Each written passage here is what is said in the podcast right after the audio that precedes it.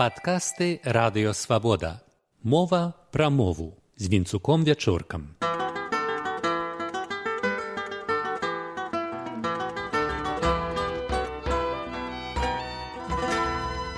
Вітаю, шаноўнае спадарства.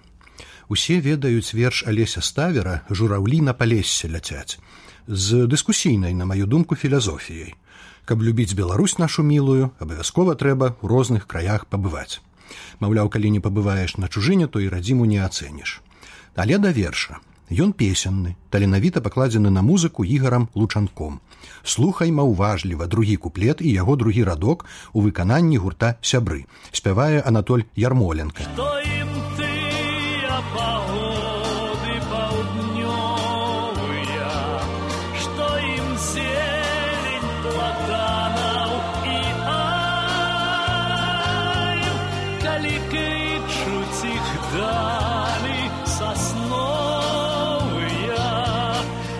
азёрны рабінавы край. А цяпер той самы куплет і радок спявае данчык. Што ім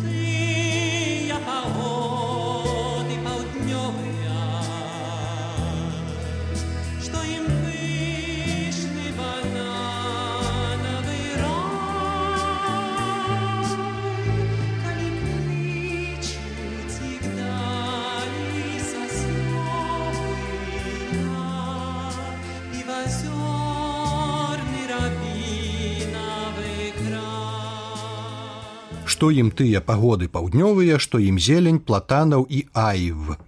Выводзяць сябры ўслед за паэтам, які экзотыку асацыяваў з пладом айва. Што ім пышны платанавы рай, пярэчыць данчык. Тут вобраз яснейшы. Вось жа музыкі не імправізавалі з тэкстам. Яго пад канец жыцця змяніў сам аўтар. Магчыма, учуў у песні на свой верш, як ненатуральна гучыць у канцы формы айв збег зычных й і в мы ўжо прыгадвалі ў гутарках паэта і мовазнаўцу владимира дубоўку які называў цяжкія збегі зычных плытагонскім словам турэц прыспешаная плынь вады сцісненая з двух бакоў каменнымі стромкімі лехамі.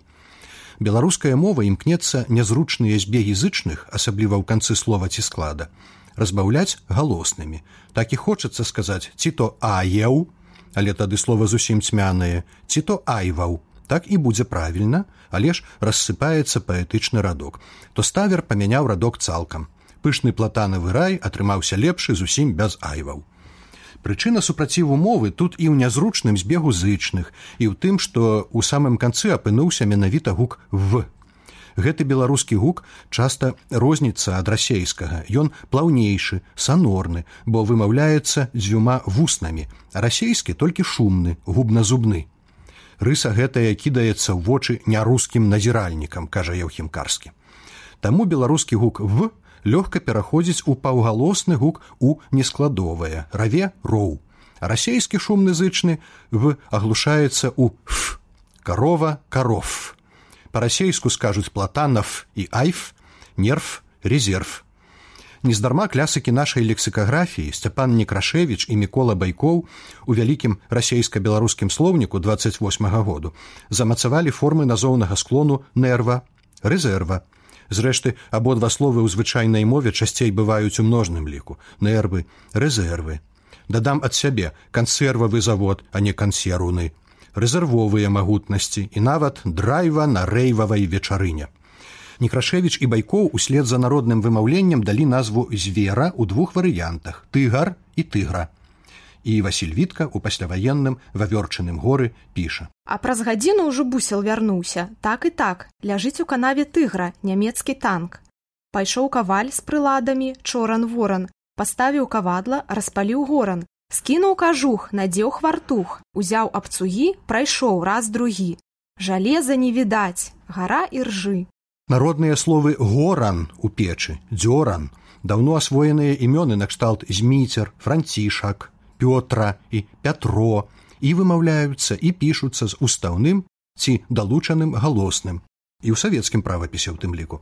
Але ж звычайна ў вымаўленні, а ў класычным правапісе і на пісьме устаўныя галосныя пашыраныя значна больш. Напрыклад, аркестр, а ў народным вымаўленні аркестра, што добра ведае Віктор Шалкевич. Оркестра грала польку трамплябляник Я до сябе бясшот націснуў маніку Крокнули щенцы, завіталі немцы вантробе прыпякло, што аж з носу прыцякло. Дзеля мілагучнасці ды зручнага вымаўлення мы не абсякаем канчатак роднага склону у словах нормаў, формаў. Імя Александр, чатыры выразныя склады. Сказаць Александр Иванович можна толькі па-расейску. Таксама тэатр, цэнтр, літар, мэтр, але да тэатру 100 метраў сёння там п'еса пан міністр францішка аляхновича. Устаўны галосны пры змене слова прападае цэлая чарада назваў гарадоў што ўтварыліся ад назваў рэк па-беларуску ў назоўным склоне вымаўляецца а ў тарашкевіцы і пішацца з устаўным галосным а дзеля зручнасці і мілагучнасці полацак слуцак клецак друцак але у полацку у слуцку з вами быў вінцук вячорка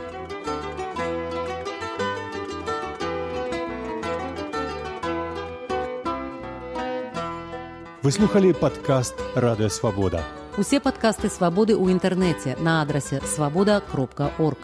Штодня, у любы час, у любым месцы, калі зручна вам. Свабода кропка орг.